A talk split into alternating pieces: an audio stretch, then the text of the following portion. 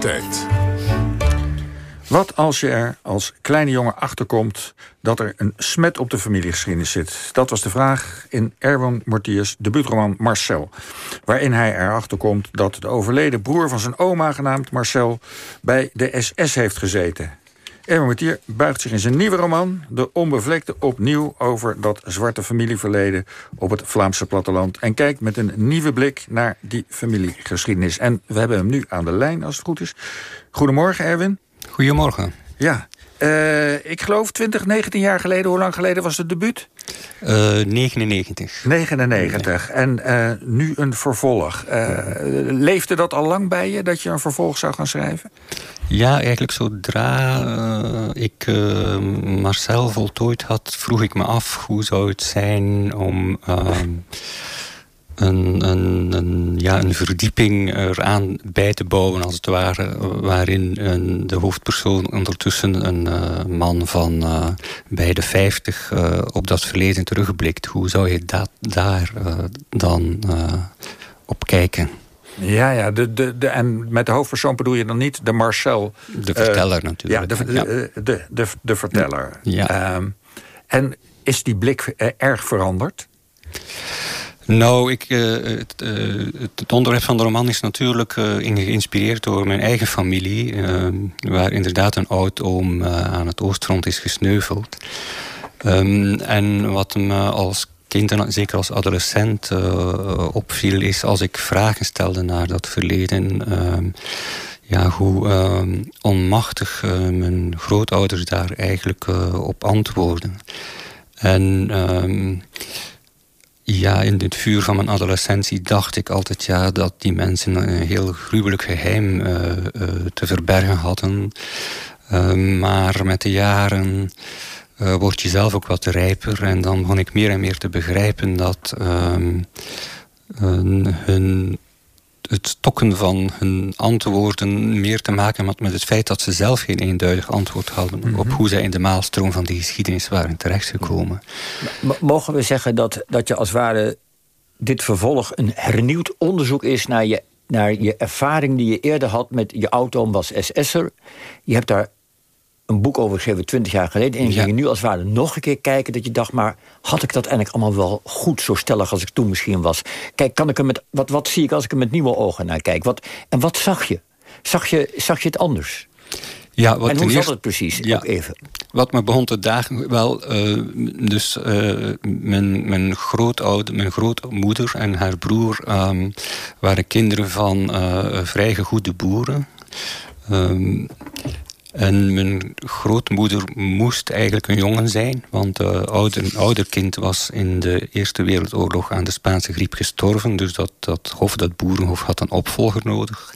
Mijn grootmoeder werd in 1919 geboren en uh, bleek een meisje te zijn. Dat was een beetje een tegenvaller.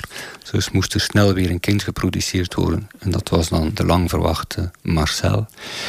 Um, die dan het hof zou kunnen leiden. Want uh, in die tijd werd een vrouw daar niet toe in staat geacht. En uh, zij werden beiden in de loop van de jaren twintig ook wees. Mijn overgrootvader is uh, verongelukt en mijn overgrootmoeder uh, die stierf aan een kanker. Dus wat ik nu beter begrijp is dat je te maken had met ehm, ja, twee heel jonge mensen die uh, ontheemd en verweest waren, letterlijk.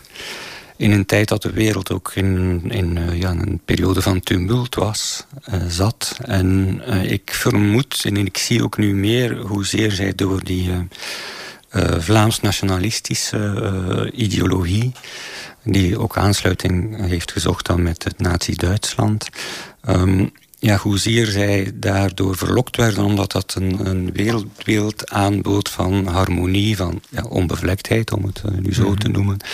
Een, een nest eigenlijk, een existentieel nest.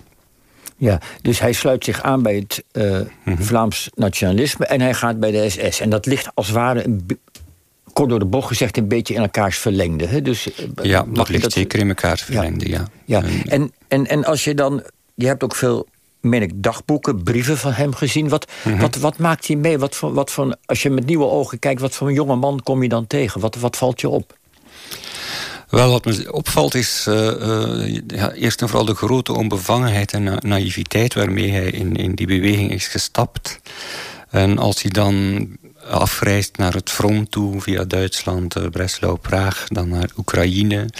Um, ja, je ziet een jongen die um, uh, heel trots naar huis schrijft dat hij en zijn makkers liederenavonden, Vlaamse liederenavonden organiseert. Um, hij is een boerenzoon, dus hij kijkt ook hoe de Russische boeren hun, hun planten telen. En hij heeft daar zo zijn bedenkingen bij. Hij vindt ze ook een beetje lui. Um, ja, dus maar hij, heeft in eerste instantie een geweldige tijd, hè? Ja, hij heeft absoluut een geweldige tijd. Dat schrijft hij ook naar huis. Uh, je kunt je ook afvragen, ja, wat heeft hij, uh, heeft hij dingen verzwegen? Want hij werd uiteindelijk ook net als de anderen ingezet om de bescherming van de oogst uh, te garanderen tegen aanvallen van de partizanen. Dus dan vraag ik me af, ja, als er partizanen aanvallen waren, dan zal er toch ook wel geschoten zijn geweest. Dus dat komt dan in de boeken in de brieven minder aanwezig. Dus je, je krijgt die vraag ook niet beantwoord, maar ze zit natuurlijk wel te knagen. Ja, je, je bedoelt met name de vraag, hij moet erger dingen gezien hebben of zelf gedaan zeer, hebben. Wellicht. Zeer waarschijnlijk. Executies. Zeer, zeer waarschijnlijk. Zeer waarschijnlijk, ja. Ja, en dat, dat, dat zoeken naar een nieuw perspectief, nou opnieuw kijken naar die oud-oom.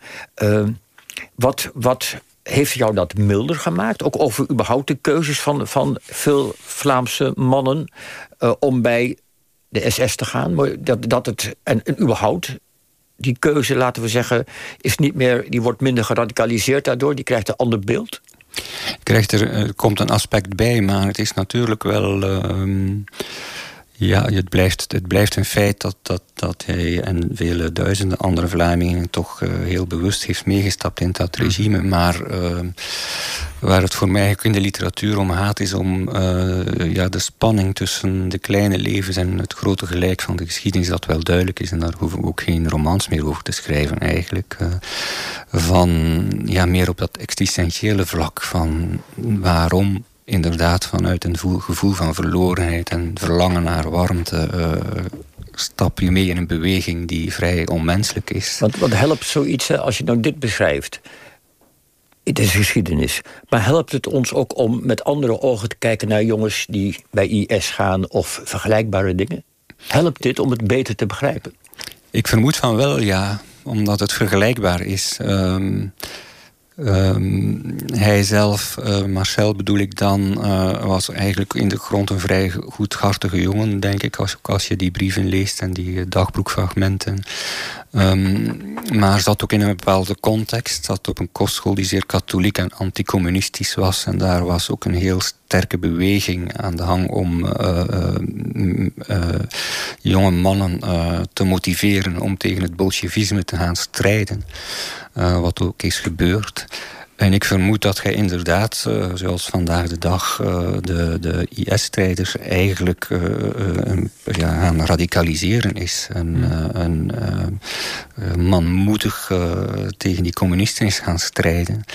Wat min of meer vergelijkbaar is inderdaad met, met veel jongens hier in België die naar IS gaan, die uit hetzelfde ja, verwrongen sociaal milieu komen en dan onder de, onder de invloed raken van allerlei predikanten en zo. En dan ook vertrekken. Ja, maar, maar, ehm, maar speelt frustratie met de situatie in eigen land... of eh, in eigen milieu dan niet ook heel erg mee? Misschien nog wel meer dan dat communisme? Dat zal zeker ook mee hebben gespeeld. Hè. Dus die familie die zat ook al een, een hele tijd in, het, eh, in, het, in de Vlaamse beweging. Die was Vlaams bewust. Uh, ook met een, met een intellectuele ondergrond. Dus die, die ijverde ook voor meer rechten voor de Vlamingen in, in, in, in België. Um, en uh, een deel van die Vlaamse beweging is dan heel bewust uh, in de jaren dertig uh, de de kant gaan kiezen van het uh, opkomende nazisme als uh, een hefboom om uh, door middel van de Duitse bezetting dan een speciale status te krijgen voor Vlaanderen in dat Duitse Rijk, wat ja. voor alle duidelijkheid nooit de bedoeling is geweest van, van Hitler. Ja. Maar, maar zorg dat er ook voor dat ze na de oorlog eigenlijk, als je diep in hun hart kijkt, niet echt spijt hebben van hun keus, dat ze het nog steeds begrijpelijk vinden?